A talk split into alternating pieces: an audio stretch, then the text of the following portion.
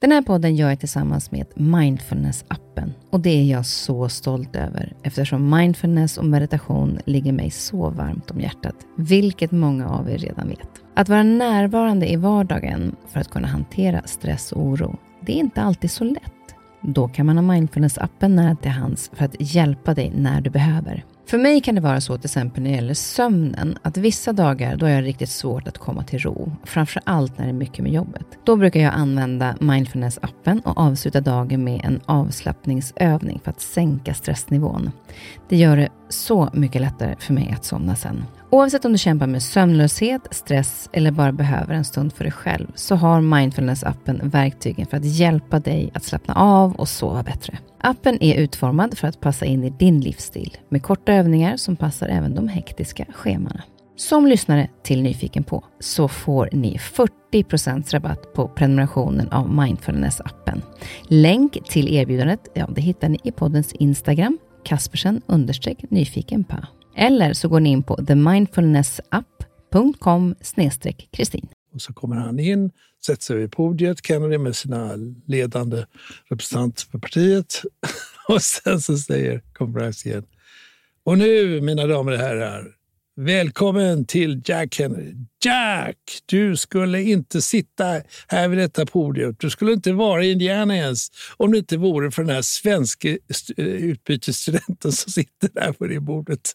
Så fint att de lyfte det tyckte jag. Ja, det var jätteroligt. Och sen så reste jag upp, alla applåderade och så bjöd Kenny upp mig till podiet där vi satt och pratade en stund om Sverige. Mm. Och han var jätteintresserad och så skrev han på menyn och den är återgiven i min bok faktiskt. Av en bra vistelse i USA. Och sen blev han då president två år senare, dock utan samband till mitt, mitt, min inbjudan till Indiana. Du lyssnar på en podd från Perfect Day. I veckans avsnitt möter jag den tidigare diplomaten, FNs vice generalsekreterare och utrikesministern Jan Eliasson som nu vid 82 års ålder gått i pension. Jan växte upp i en enrummare i Göteborg med mamma Karin, pappa John och lillebror Roger. Att ordet och förhandling varit en viktig del i Jans yrkeskarriär började redan hemma i enrummaren som barn i Göteborg då hans intresse för läsandet var så stort. I skolåldern bestämde sig Jan för att göra ett år i USA, vilket inte var så vanligt på den tiden och han tog båten över Atlanten.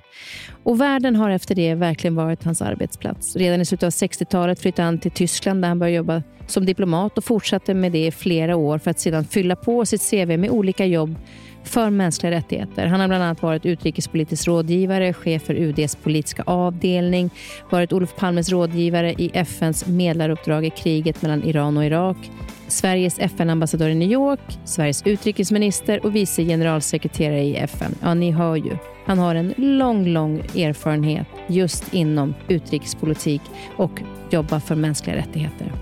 Sedan 1980 har Jan skrivit dagböcker och förra året så kom han ut med boken Ord och handling, ett liv i diplomatins tjänst som berättar mycket om livet inom diplomatin och fredsförhandlingar men också om Jans personliga resa. Jag är nyfiken på så mycket. Dels hans barndom och vilka som tydligt gjorde avtryck under ungdomstiden i sitt val att jobba med mänskliga rättigheter och fredsförhandlare.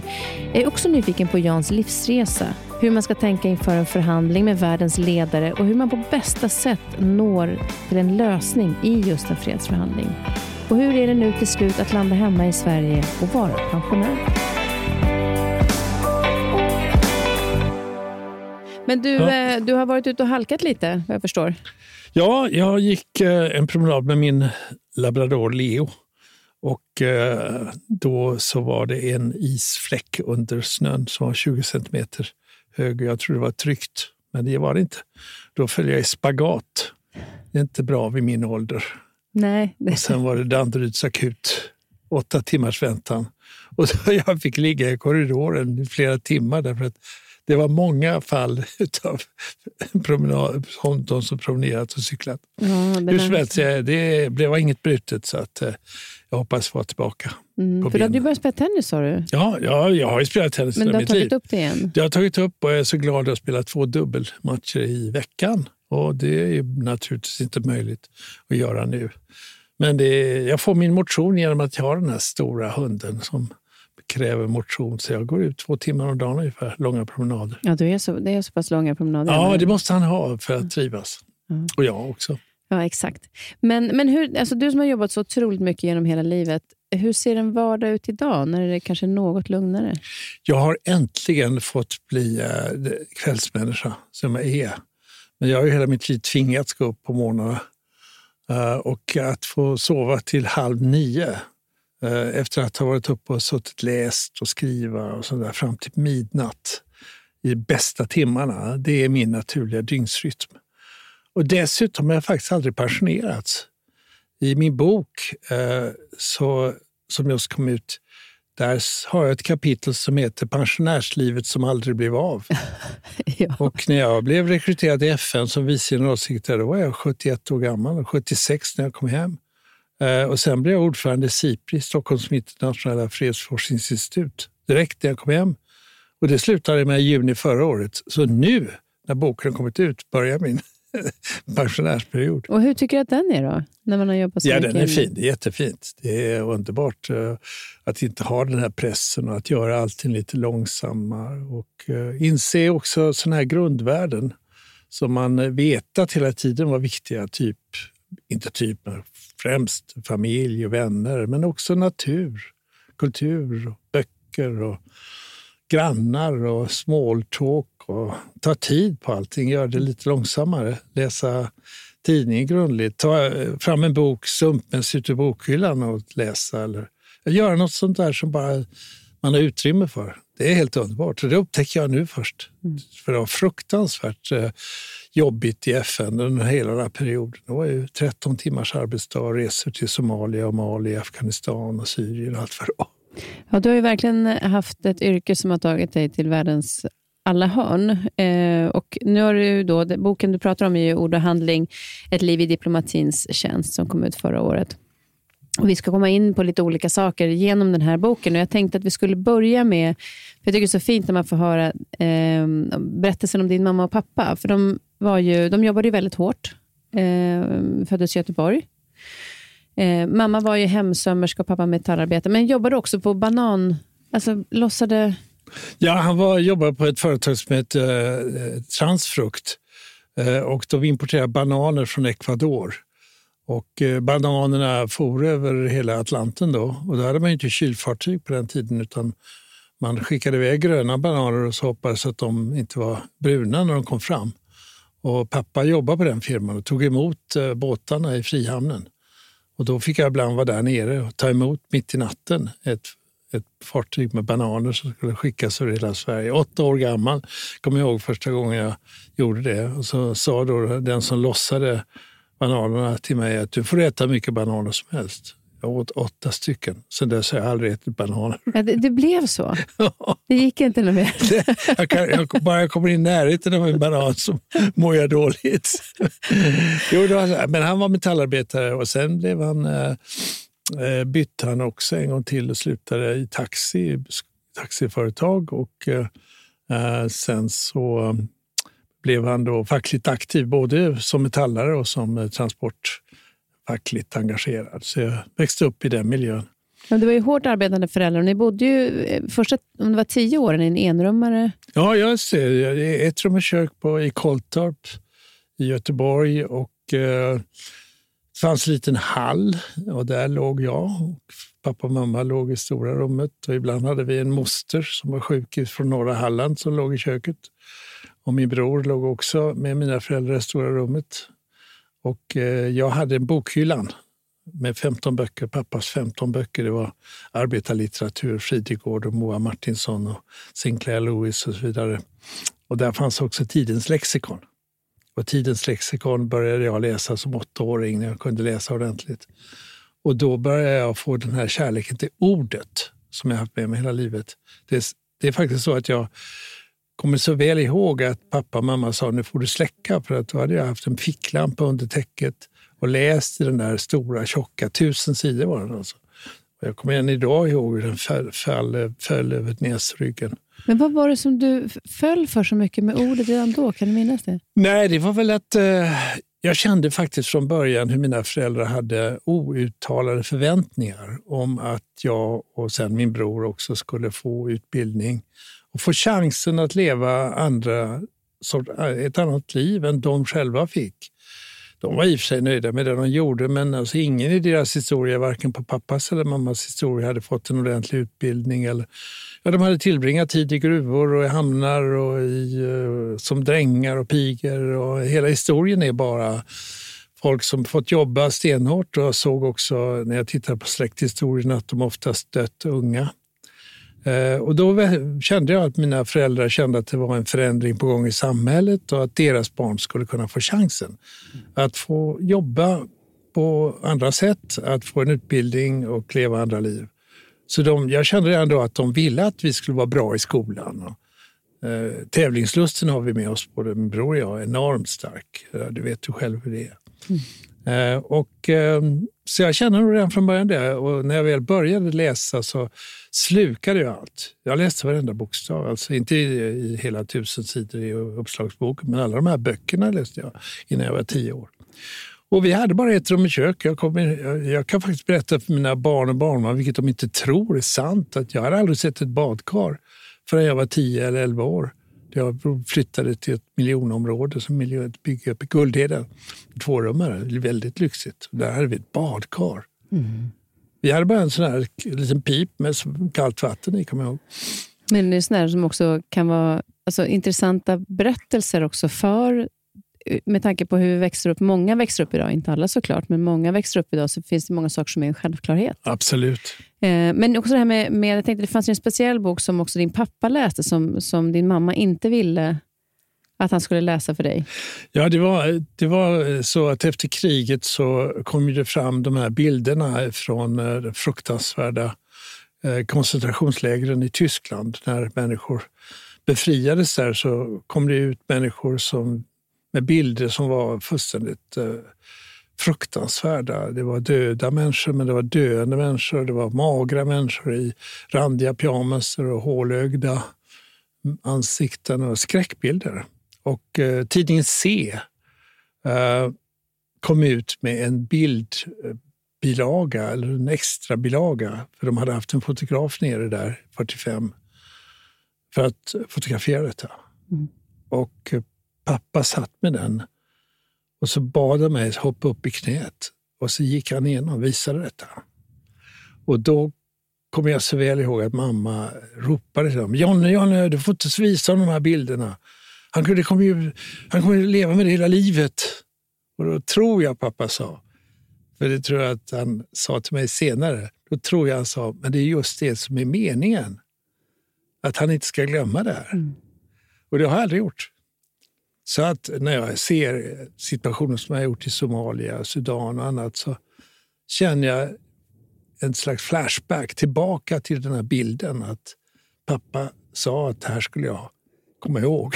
ja, det är så intressant, för just det här med tanke på olika delar av världen du har varit, där människor ja. är under sådana fruktansvärda ja, ja. omständigheter och eh, liv de lever. Och så, och så har det någonstans följt både ordet och den händelsen med från så liten ålder. Precis. Men du bestämde dig också för, vilket var väldigt ovanligt i den tiden, att bli utbytesstudent. Ja. Eh, och åkte då med fartyg över till USA. Ja, det var och Det var en väldigt speciell resa.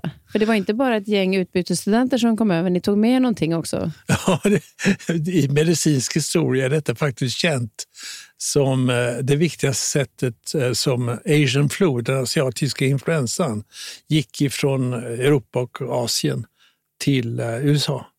Vi var 800 studenter, eller ja, gymnasister var vi ju alla, Eh, på båten som gick från Rotterdam, Arosa Sky, en gammal skorv som sedan förliste i Sydkinesiska sjön tre år senare förresten. Eh, och vi var ombord där och eh, det visade sig sen när man gjorde efterforskningar efteråt att eh, turkiska studenter hade haft med sig den asiatiska influensan. Den spred sig som en löpeld över fartyget. Eh, många, många var sjuka. Jag var sjuk. Eh, nästan alla som jag kände var sjuka. 400 sjuka var det och en grekisk pojke dog. Eh, och när vi närmade oss kusten i USA så kom det en signal till, eh, till fartyget att de inte skulle gå in till hamn utan ligga på redden utanför New York på West Side. Och eh, där skulle vi ligga i karantän okänt antal dagar. Vi borde antagligen legat där i 30 dagar kanske. Men det blev fem dagar. Jag antar att rederiet förhandlade det tidigt. Och då spred vi den här sjukdomen över hela USA. Och den roligaste historien jag kommer ihåg från ifrån denna tragiska situation, det var ju min vän Lasse. Inget efternamn här. Jag tror han i och för sig står för det. Men eh, det kom eh, journalister ombord och eh, en av dem frågade mig om jag var, hade varit sjuk. Jo, då, jag, men jag mår bättre nu, men min vän Lasse här, eh, han är fortfarande sjuk och det är verkligen synd om honom. Han hade, det var dessutom dagen efter en fest, så att han var särskilt trött. Och då så frågade journalisten honom, So you had the flu? Så du hade influensan? Och Lasse, gymnasiet, eh, Luleå, böja ett verb, fly, flew, flown. No, I didn't flew, I took the boat. ja, ja, ja, ja. Så han fick inga mer jag, frågor? åkte, jag, jag flög inte, jag tog båten. Ja, hur som helst så spred vi det till, eh, jag för min del till Indiana där jag var hos en Vilket år var det här? 57-58. 57-58. 17 år var jag, 18 år, när jag lämnade. Och där, där, eh, USA blev ju väldigt speciellt eh, år. Eh, dels så, om man nu fortsätter i, i temat orden, så fick du ju en eh, väldigt speciell lärare som, som uppmuntrade Dr. Dean Darwin eh, i just speech. Och han använde liksom en teknik som du... Alltså, det var fantastiskt. Jag tänker ofta på honom. Jag, jag, jag är, än idag är jag oerhört tacksam för sådana här starka upplevelser i min ungdom som har styrt hela mitt liv. När jag står i talarstolen i FN, denna mäktiga lokal där i generalförsamlingen, så kan jag ofta tänka på Dean Dorian, Top House. Säg det på en annan, annan hastighet nu. Han, han, han tog sig an mig som professor Higgins i Liza i Fair My Fair Lady. Här kom jag till Decatur, Indiana. Han var filosofie-doktor av någon anledning hamnat där. Och han såg mig som ett studieobjekt, och, eh, alltså någon som han ville träna, ungefär som en, en löparhäst, en, en kapplöpningshäst. Så ja, han tog mig på privatlektioner också. Tre, jag hade tre timmar i veckan med honom. Och en teknik han hade det var att be mig komma upp inför hela klassen eh, och sen eh, till exempel be mig tala som president Lincoln efter det att man hade vunnit med möda och stora offer slaget i Gettysburg.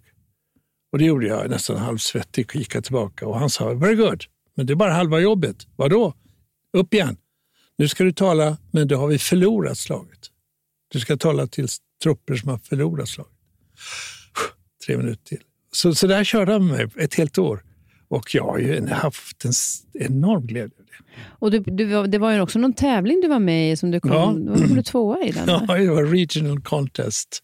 Jag kommer än idag, idag ihåg att den hette What can I do? Vad kan man själv göra för att uppnå fredliga förhållanden och en bättre värld? Ja, och också det att du, där håller du ett speech som faktiskt handlade om det som du Ja, sen ja. skulle börja jobba med. Ja, precis. precis.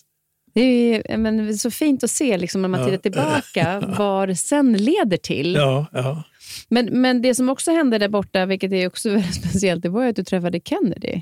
Ja, det var ju en fantastisk Och det var tack vare eh, dig händelse. Ja, det var, ja, det, det var slumpmässigt så att eh, pappan i familjen, Doc Hebel, han var optiker, kallas Doc Hebel.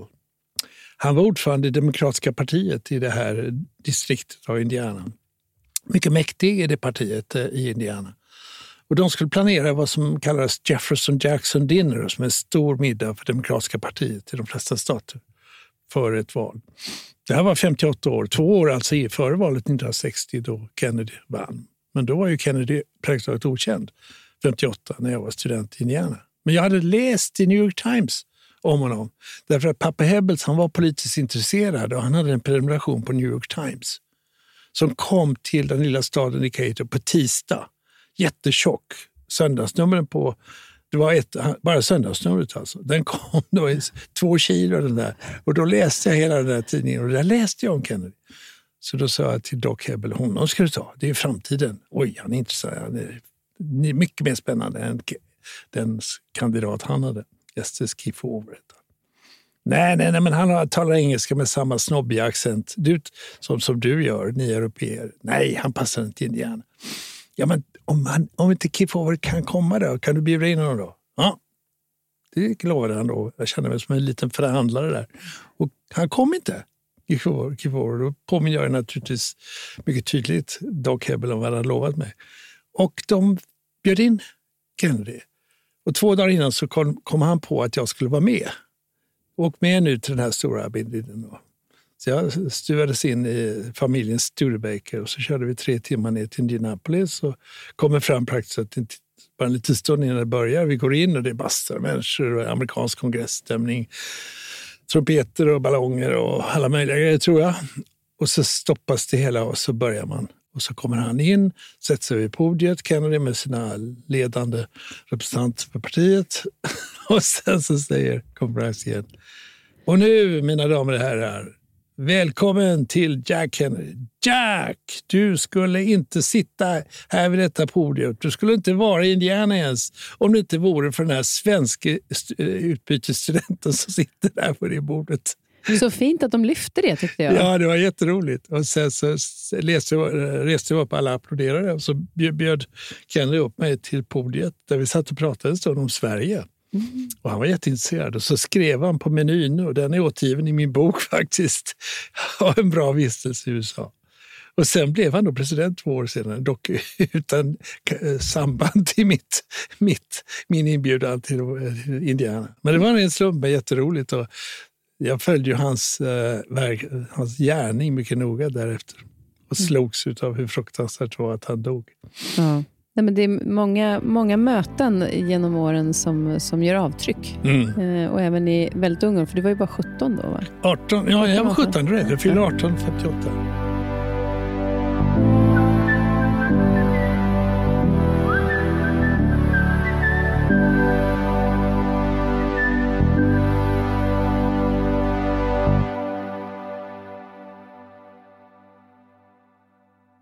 Och Sen blev ju faktiskt också världen din arbetsplats. Um, och ja. En av de som har inspirerat dig som ung väldigt mycket uh, var ju Dag Hammarskjöld som var generalsekreterare för FN 1953 till 61 var det då mm. han kom i en flygolycka. Och Du var bara 21 år då. På vilket sätt var han din uh, stora inspirationskälla? Ja, men jag kommer ihåg hur mitt utrikespolitiska intresse ökade under Eh, 50-talet. Eh, redan innan jag åkte till Amerika så hade ju eh, ryssarna, Sovjetunionen, gått in i Ungern och jag kommer ihåg hur upprörda vi var över det, både i skolan men också hemma kring köksbordet. Och likaså hade ju då Suezkriget startat också då 56, så att världen kom liksom in på Hvitfeldtska läroverket där det var mycket filosofi och religion och annat. Så att eh, jag kände ett ökande engagemang i internationella frågor. Då, då vet jag att pappa var oerhört stolt över att eh, Sverige hade fått tillsätta en generalsekreterare i FN. Eh, Hammarskjöld. Så var jag 13 år och eh, han följde väldigt noga och berättade vad han gjorde. Och jag läste allt som han sa och gjorde. Så han var min hjälte och eh, det som gjorde det speciellt då Eh, för min del som förstärkte den här känslan att vilja arbeta internationellt. Eh, det var att jag var i flottan, jag blev ju sjöofficer, var kadett på Sjökrigsskolan. Eh, och vi hade en marin övning uppe i Kvarken i Bottenhavet. Och det var kring min 21-årsdag, 17 september 1961. 21-årsdagen är stor i Sverige och jag tyckte det var tråkigt att fylla på den dagen. Men sen nästa dag då var vi på en överlevnadsövning på Holmögadd. Uppenbarligen klarade vi det. Och då hörde vi på en knastrig radio att Hammarskjöld hade dött i denna olycka i Andola. Eller ja, olycka det var det kanske inte, ett attentat tror jag snarare. Men hur som helst. Och när det hade hänt på min födelsedag, det var just en timme före midnatt som det här hade hänt, så kände jag nej, det är det internationella jag ska jobba med.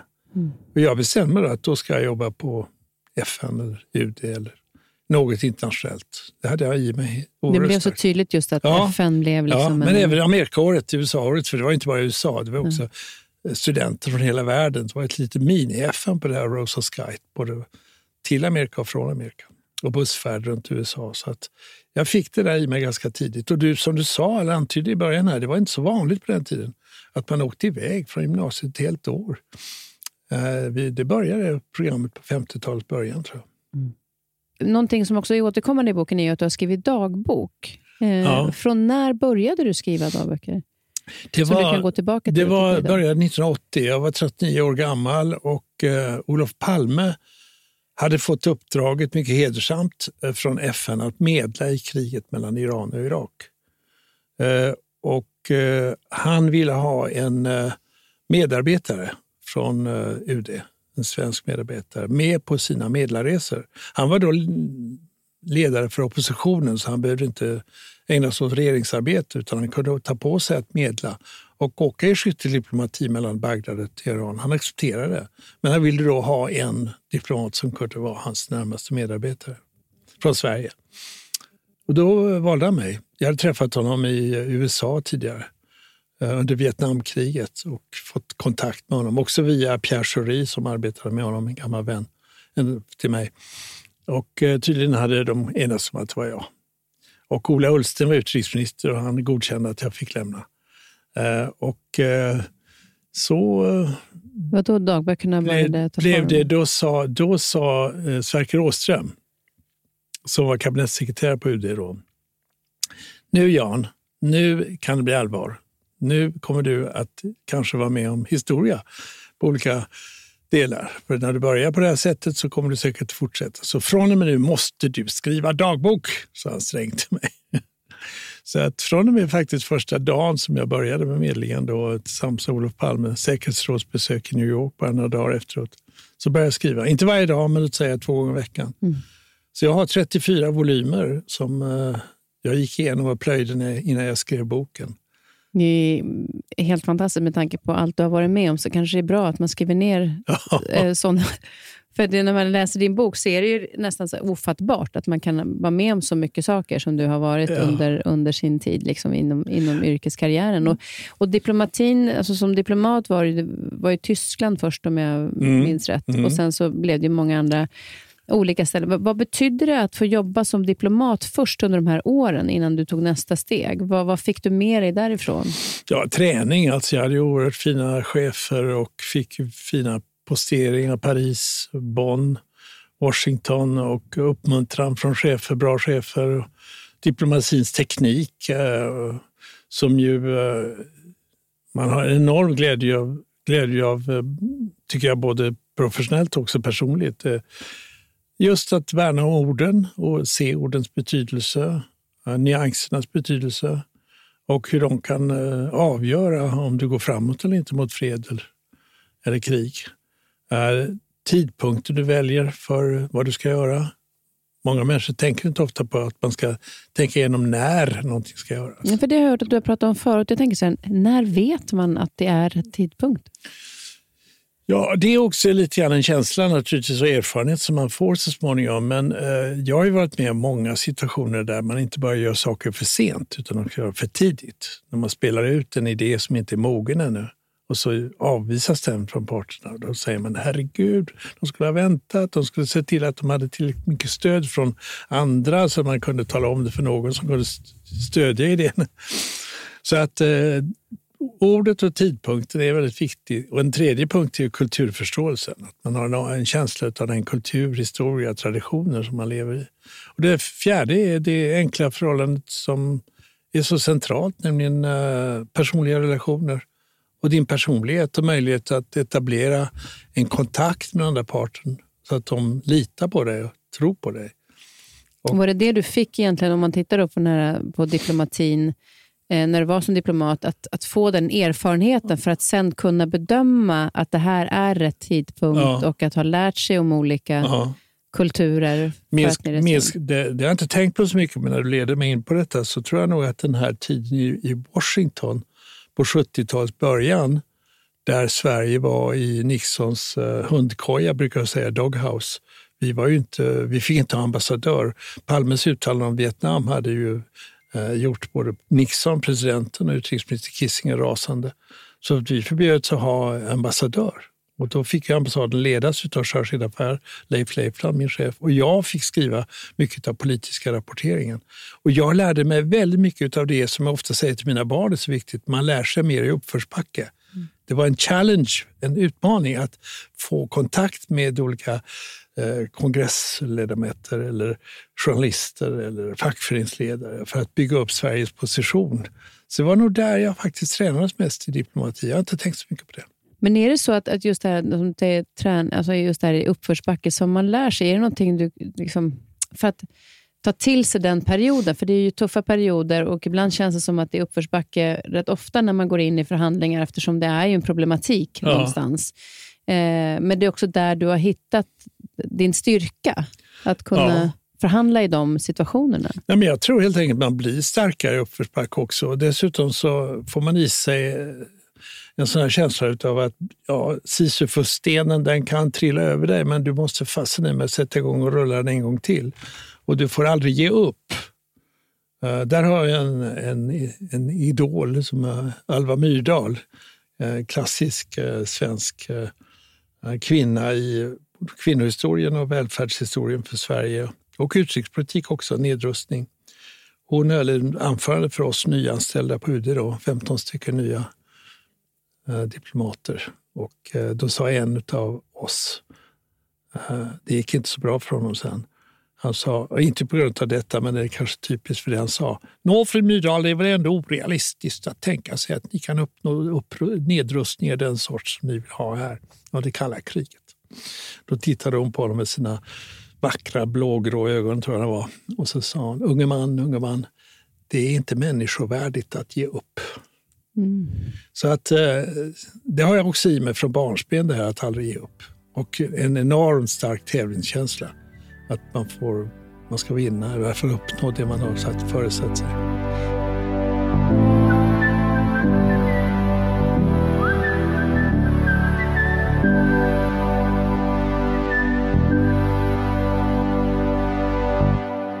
De olika situationer som du har varit i, alltså man, jag försökte titta på din lista på allting som du har, har gjort.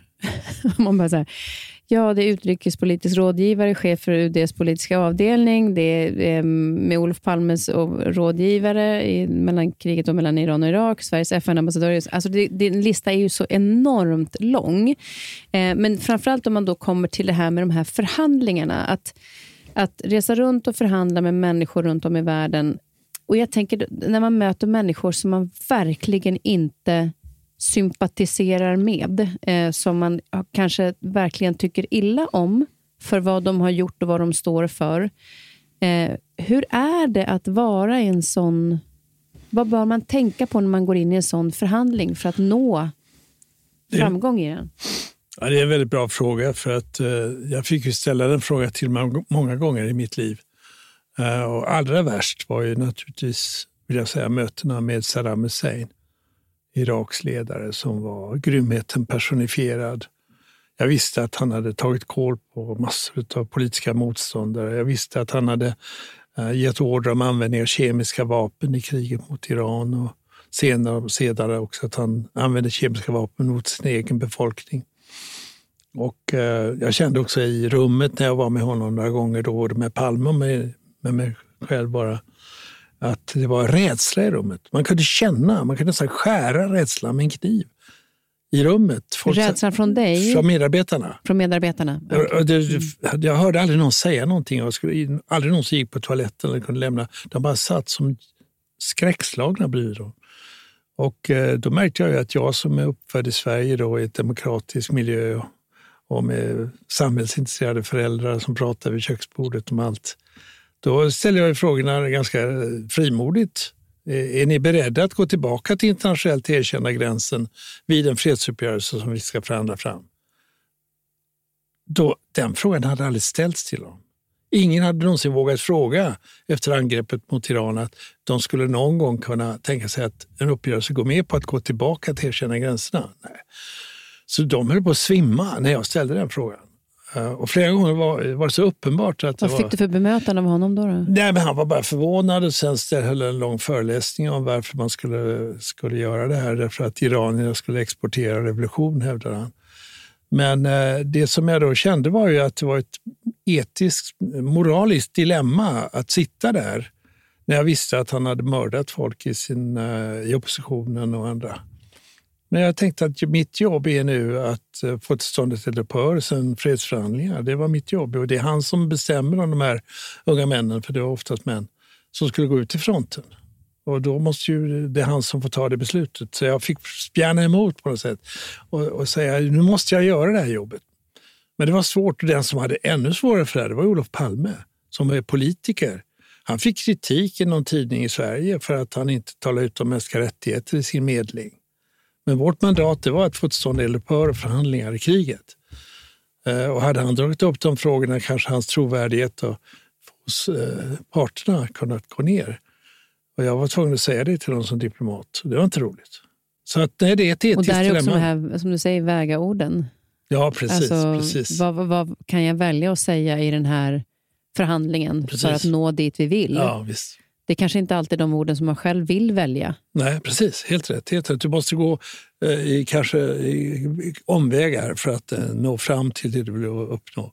Och Det fina är att om man då har ett stort ordförråd, som jag tror att jag har samlat på mig nu på olika språk, då kan man ju i huvudet eh, plocka fram fyra, fem synonymer vid bordet och inte avbryta och låta dem ringa hem till sina huvudstäder och så vidare. Utan om du kan göra det spontant och fånga upp en idé som motparten har och säga ja, jag tycker det ni sa här var intressant. Vad säger ni om jag formulerar det så här?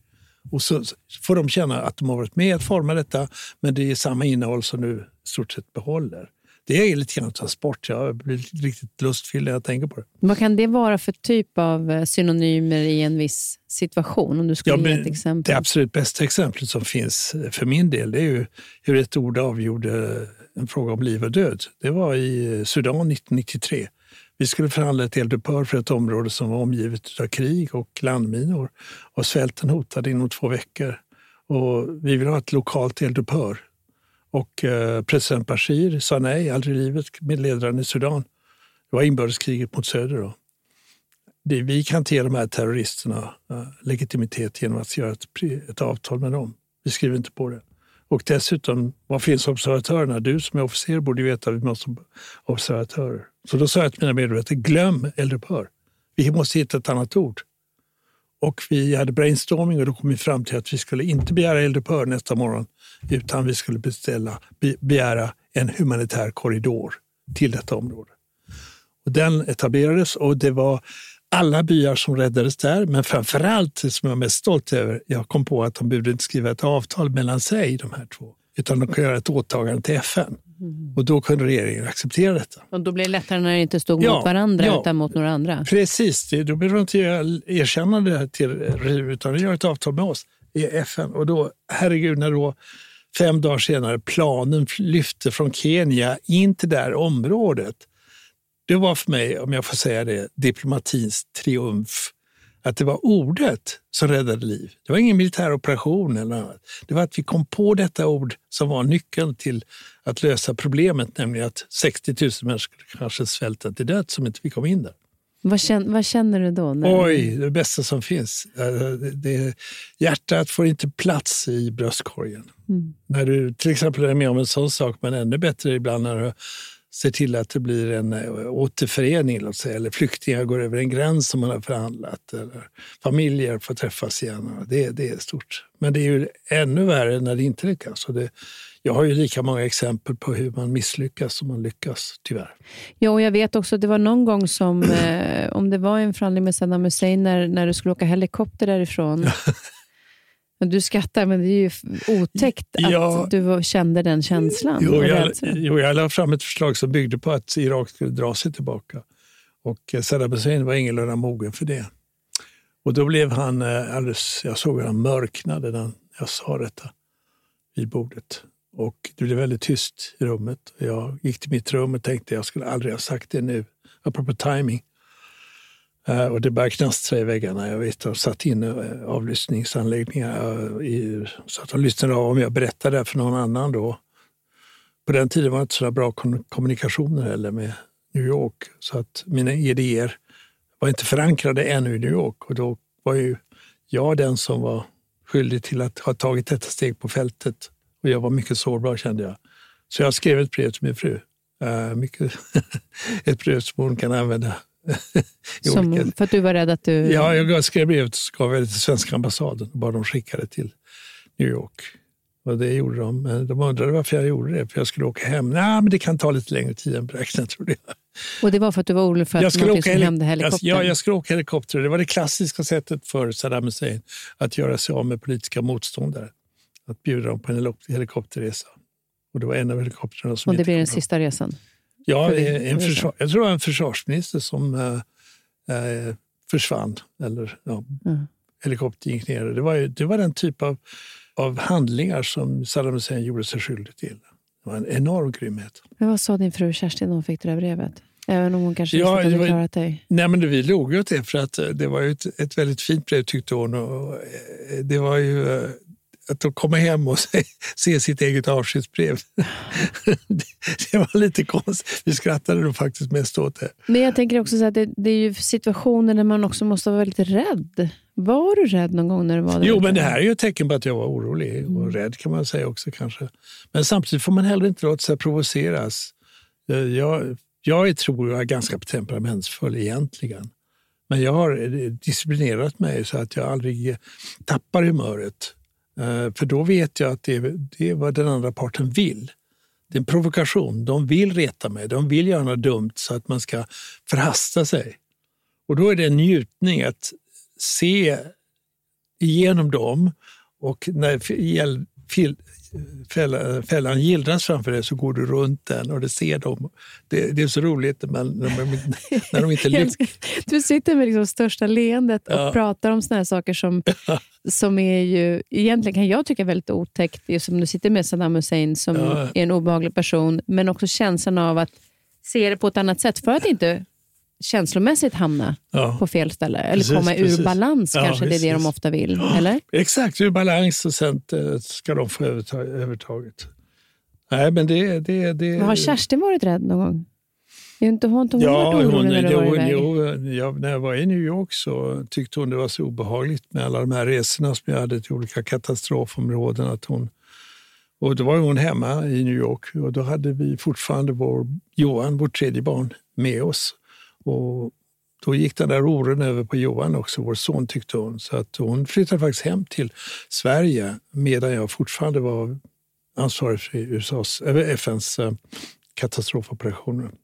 Och det var väl inte rädsla, men hon kände liksom att eh, mitt professionella liv kröp in i vårt privatliv som inte var bra och det höll jag med henne om. Mm. Ja, det finns kanske en trygghet på ett annat sätt när man då kommer hem. Mm. Du har mm. beskrivit ibland att det har varit som en tunn linje mellan liv och död eh, har jag hört. Vad, vad, eh, vad skulle du säga, fler tillfällen som har varit, där du har varit på den här tunna linjen?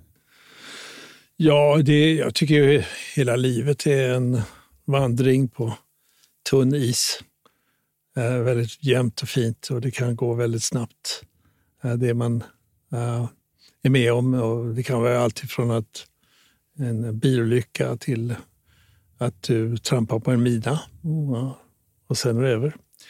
Så att den där känslan av att uh, lyckan av uh, att leva och uh, lyckan av att ha med sig så mycket i livet som jag har fått och göra det jag gör, den är så enormt stor. Och man påminns om det när man lever som jag har gjort i, med så mycket lidande och död omkring sig.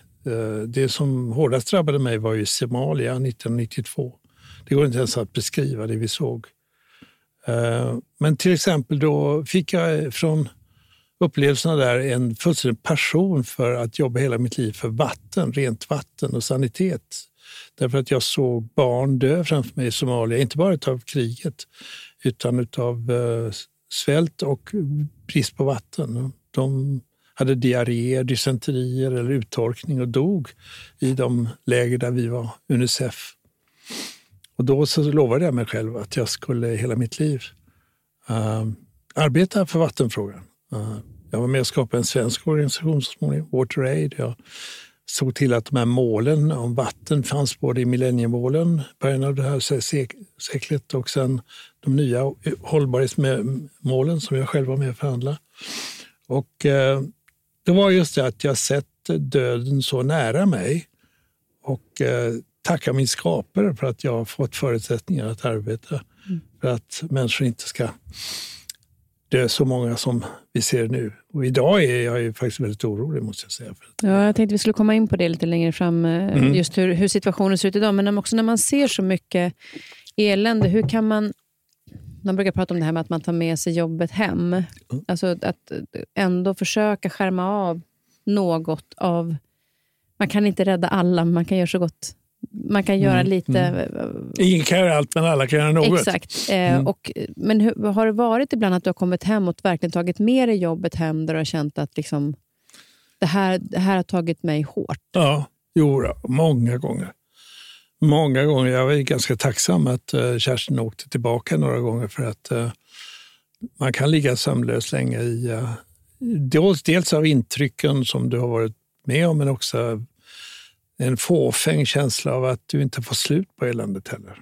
Att du inte lyckas hitta det här sättet att eh, få ner kriget till eh, en annan nivå och sen så småningom eldupphör och sen förhandlingar.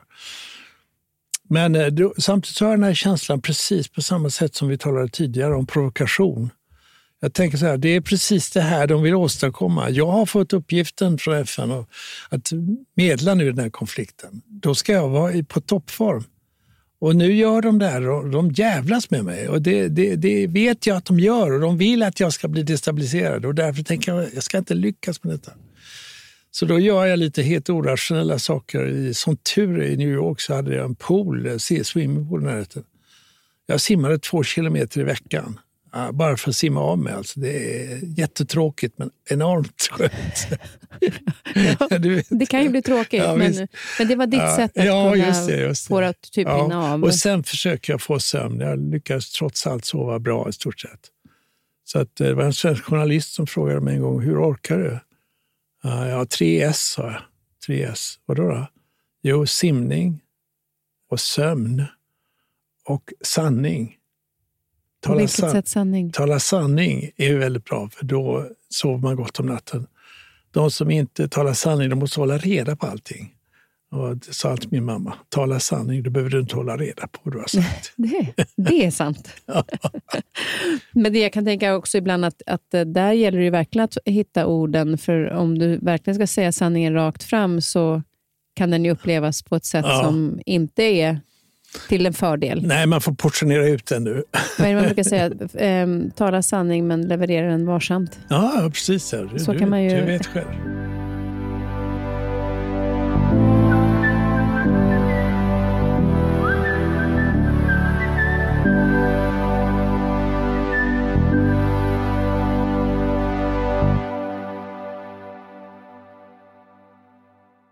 Jag tänker då lite grann som du var inne på det här nu, världen idag. För jag, vet, jag såg en intervju med dig från Nyhetsmorgon 2017 och där sa du att du kände liksom en, en osäkerhet inför för framtiden. Då var det stormakterna då, USA och Ryssland. Det var svårt samarbete i EU eh, och samhällen då delas i etiska och religiösa linjer. Mm.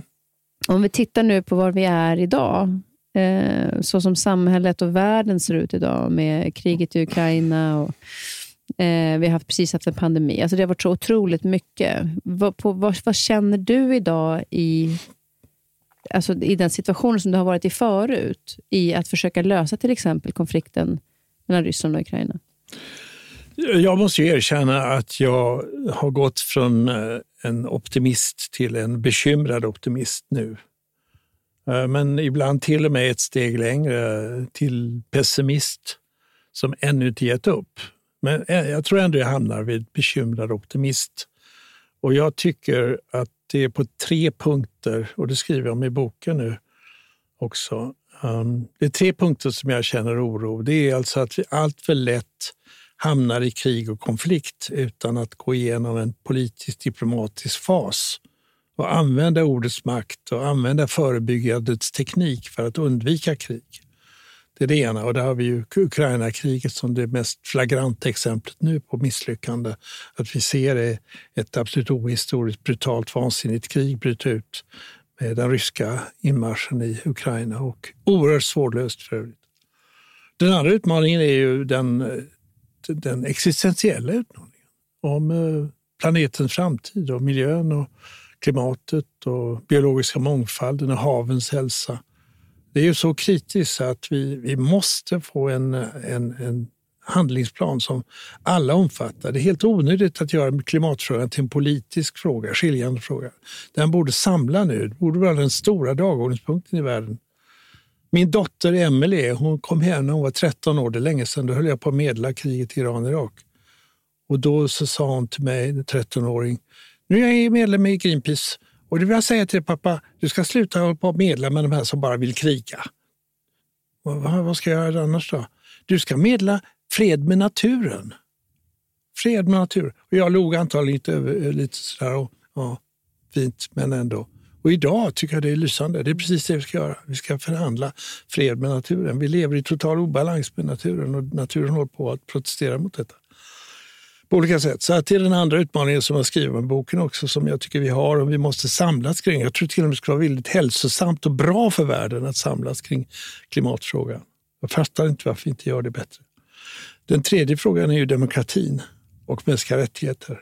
Vi har faktiskt i världen idag en uppförsbacke för både mänskliga rättigheter och eh, demokrati.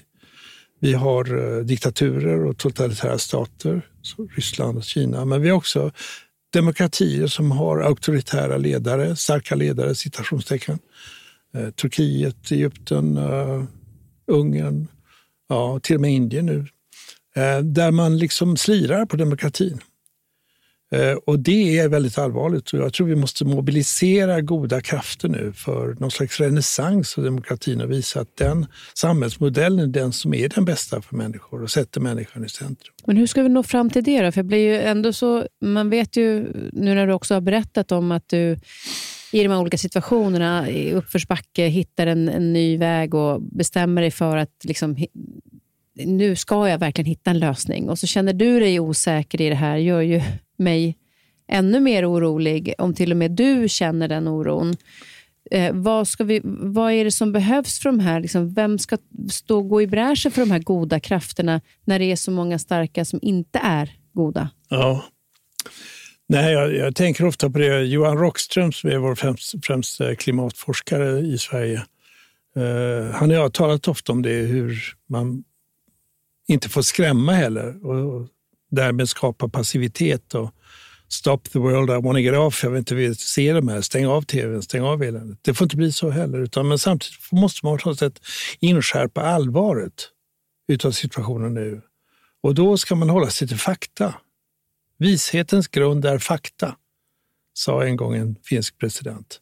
Och vi ska respektera fakta. Och vi lever i en värld nu som gör att demokratin är ännu mer utmanad. Det är där vi utmanar ordets valörer och sanningen. Eh, Trump visade ju att han kunde vinna ett val på lögner. Tusentals lögner. Och det spelar ingen roll om det var sant eller, eller falskt. Och eh, han introducerade en term som heter alternativa fakta. När fakta inte passade så kunde man definiera alternativa fakta som passade honom. Och det har ju spritt sig. Bolsonaro i Brasilien som tur var, som ju tappade makten. Men eh, om inte demokratin behåller sina valörer på värderingar och eh, de metoder som demokratin kräver, allas lika värde och eh, sanning och eh, hedlighet och så vidare som måste finnas i den politiska debatten, ja, då har vi vår samhällsmodell inte fått det värde som det har och folk kommer att protestera mot detta.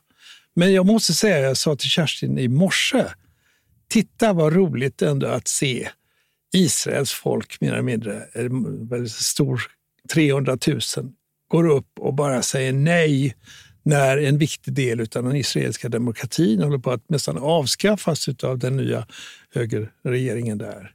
Då går de ut på gatorna och jag sa, herregud, det här är precis vad vi behöver. Vi behöver ett shot in the arm, vi behöver någon slags energi till demokratin.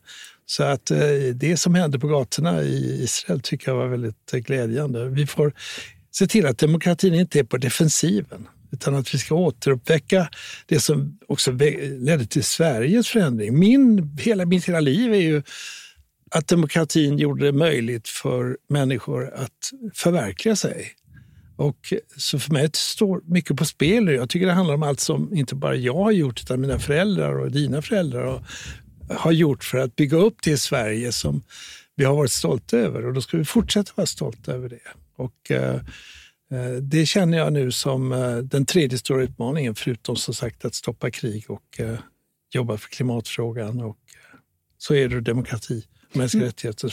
Men när vi kommer då till, till, du sa att med, med kriget eh, i Ukraina, att det är svårlöst. På vilket sätt skulle du säga, om man kan säga det, eh, förklara i lite kortare termer, som gör att det är så svårlöst? Ja, det är svårlöst därför att eh, parterna har totalt olika uppfattning om eh, vad kriget handlar om. För Ryssland handlar det om att inkludera Ukraina i det rysk-sovjetiska imperiet som man vill drömma sig till. Eh, det är nästan mytiskt. För Putin var ju Sovjetunionens upplösning den största katastrofen i modern tid, så har han sagt. Och han anser att Ukraina är en integrerad del av detta ryska imperium. Och eh, de ska in i och inordnas där. Och de har redan ju annekterat fyra delar av Ukraina som del av Ryssland. Det är målsättningen för Ryssland, så de har formulerat det. Och Det andra är ju att man kanske hade kunnat nå ett eldupphör omedelbart efter angreppet om ryssarna hade stoppat och lämnat. Men nu när Ukraina har förlorat så mycket människor och varit med om den här fruktansvärda förödelsen, dessutom krigsförbrytelser, så är det omöjligt för Zelensky att ge från sig delar av landets territorium. Och det vill de inte röra, utan ska det bli ett eldupphör så måste det bygga på att de lämnar eh, territoriet. Mm. Och det är de inte beredda att göra. Så för mig som diplomat känner jag ju frustration och besvikelse över att det finns... Jag ser ingen diplomatisk process nu under dessa förutsättningar. Samtidigt så inser jag ju att kriget måste någon gång ta slut. Och de krig som jag har sett i min, mitt liv och medlat i, fem, sex stycken, där har det inte, nästan aldrig funnits några segrare. Alla är förlorare. Men du har också haft möten eh, med människor som, du också, som har varit det goda. Alltså så här, du har haft oh. väldigt många, Olof Palme pratar du väldigt mm. mycket om. Där berättade du för mig innan vi började att, att du kunde inte riktigt skriva Nej. det kapitlet kring honom och eh, hans, när han dog och blev mördad, utan du fick ta från dagboken. Ja, nej. nej det var faktiskt tungt för att eh, Innan jag började skriva så läste jag mina 34 volymer dagböcker.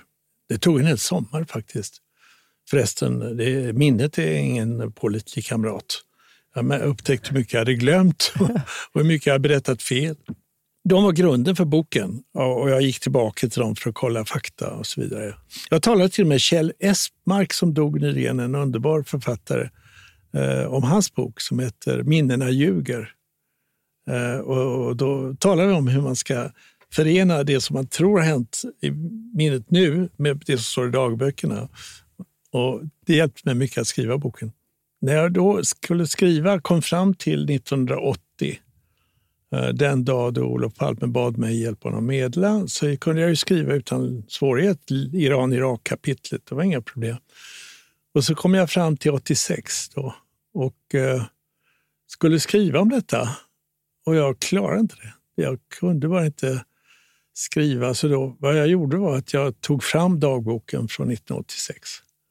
Och eh, helt enkelt, det tror jag enda stället jag har det, där jag helt enkelt bara tar de sidorna som jag skrev dagarna efter eh, mordet och dagen efter begravnings eller minnesceremonin den 15 mars 1986. Och de står där ograverade. Och när jag sen läste in boken som jag sa till dig tidigare, stockade sig rösten när jag skulle läsa det här. Jag var tvungen att ta paus, för att det var, så, det var så gripande att göra detta. Vad betydde han för dig?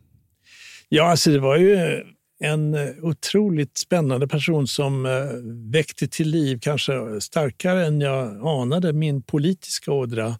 Jag var ju och är fortfarande professionell diplomat och konfliktlösare och FN-tjänsteman.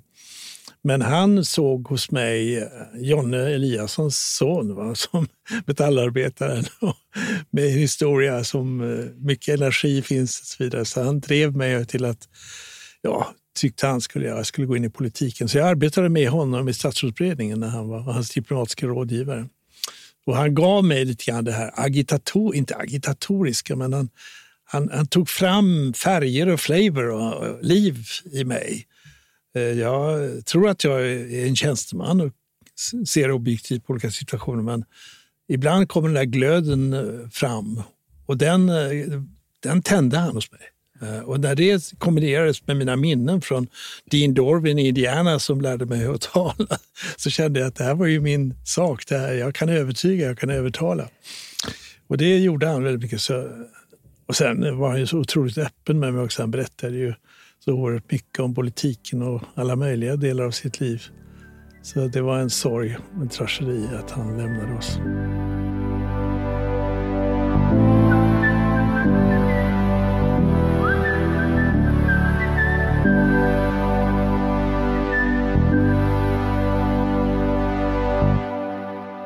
Innan vi rundar av nu så vill jag ju fråga lite grann. Du är ju uppenbarligen väldigt nyfiken på mycket, men vad, vad är du nyfiken på just nu? Ja, ja men det är att, eh, att avnjuta kultur. Jag har en enorm längtan efter mer musik, mer teater, mer litteratur. Och eftersom jag nu äntligen kommit förbi det här kapitlet, eh, pensionärslivet som aldrig blev av, så ser jag fram emot att, eh, att avnjuta kulturen i olika former. Vad är det du tycker om? Liksom, vilken typ av kultur? Musik mest. mest. Min fru Kerstin spelar piano och eh, vi, eh, hon var ordförande i Musikhögskolan. Och, så att musikens värld är, den är oerhört befriande. Att, att höra en, ett Bach-preludium eller en fuga på cello, det är fantastiskt. Jag vet också att ni var ett fantastiskt dansande par. den kan du få berätta ja, den, är, den, är, den tror jag inte någon vet om. Jag tror jag sa det till dig i högsta förtroende, men den är värd att... Du, kanske... får, du behöver inte, men du får Nej, det, mer. Det, ja, det, det, det är lite lätt skrytsamt, men det var ju så här att eh, jag berömde dig för din vinst i uh, Let's Dance. Uh, och då sa jag till dig att uh, Dels hade jag själv blivit tillfrågad en gång i tiden att delta men avböjt på grund av medling, medlingsarbete. Men nu, nu är du pensionär så nu kan du vara med. Ja. Säger jag som jobbar med det just nu. Just det. Ja, men då berättar du om att ni faktiskt dansar. Ja, och då så eh, sa jag att eh, Kerstin och jag faktiskt gillar att dansa. Vi buggar faktiskt ganska bra ihop. Eh, och eh, vi njuter av detta, tycker det var så roligt. Och de här musiken som vi hade då från Beatles och framåt på 60-70-talet var ju perfekt för att dansa till. Så när vi blev ambassadörspar i Washington så eh, var det faktiskt ofta så att det var dans. Det var roligt i Washington på, när jag var ambassadör. Och Kerstins och min dans blev uppmärksammad. Så att i Washington Post blev vi kallade Washingtons Fred Astaire och Ginger Rogers. Alltså det är inte dåligt. Den är fantastisk den komplimangen. Den du, det vet ju du som uh, vinnare i Let's Dance. Ja, dansen ja, är ju härlig. Alltså. Men uh, nu är det för sent, särskilt som jag har gjort mig illa i benet. Ja, nu skyller du på benet, men ja. vem vet? Du är envis och kommer tillbaka. Ja, vi får se. Men kanske. Nej, absolut inte. eh, så fantastiskt härligt att ha dig här. Din bok tycker jag att alla ska läsa, för dels är det en fantastisk eh, resa som man får följa genom livet, men också väldigt mycket historik som är nyttigt för oss alla att att vi tar med oss för att förstå eh, den, lite av den världen vi lever i. Um, och som sagt, tillsammans är det viktiga. Vi ska avsluta med en liten låt. Vilken vill du avsluta med? då? Ja, det kanske är There is a hero in you med, uh, med uh, Whitney... Nej, det är Mariah inte Carey. Mariah, Mariah Carey. Att alla människor har en hjälte i sig som man kan plocka fram. Och det behöver vi nu. Det behöver vi i högsta grad nu. Stort tack Jan för att du kom hit. Tack så mycket. Och ta hand om benet nu så ja. du kan spela tennis snart igen. Tack för samtalet.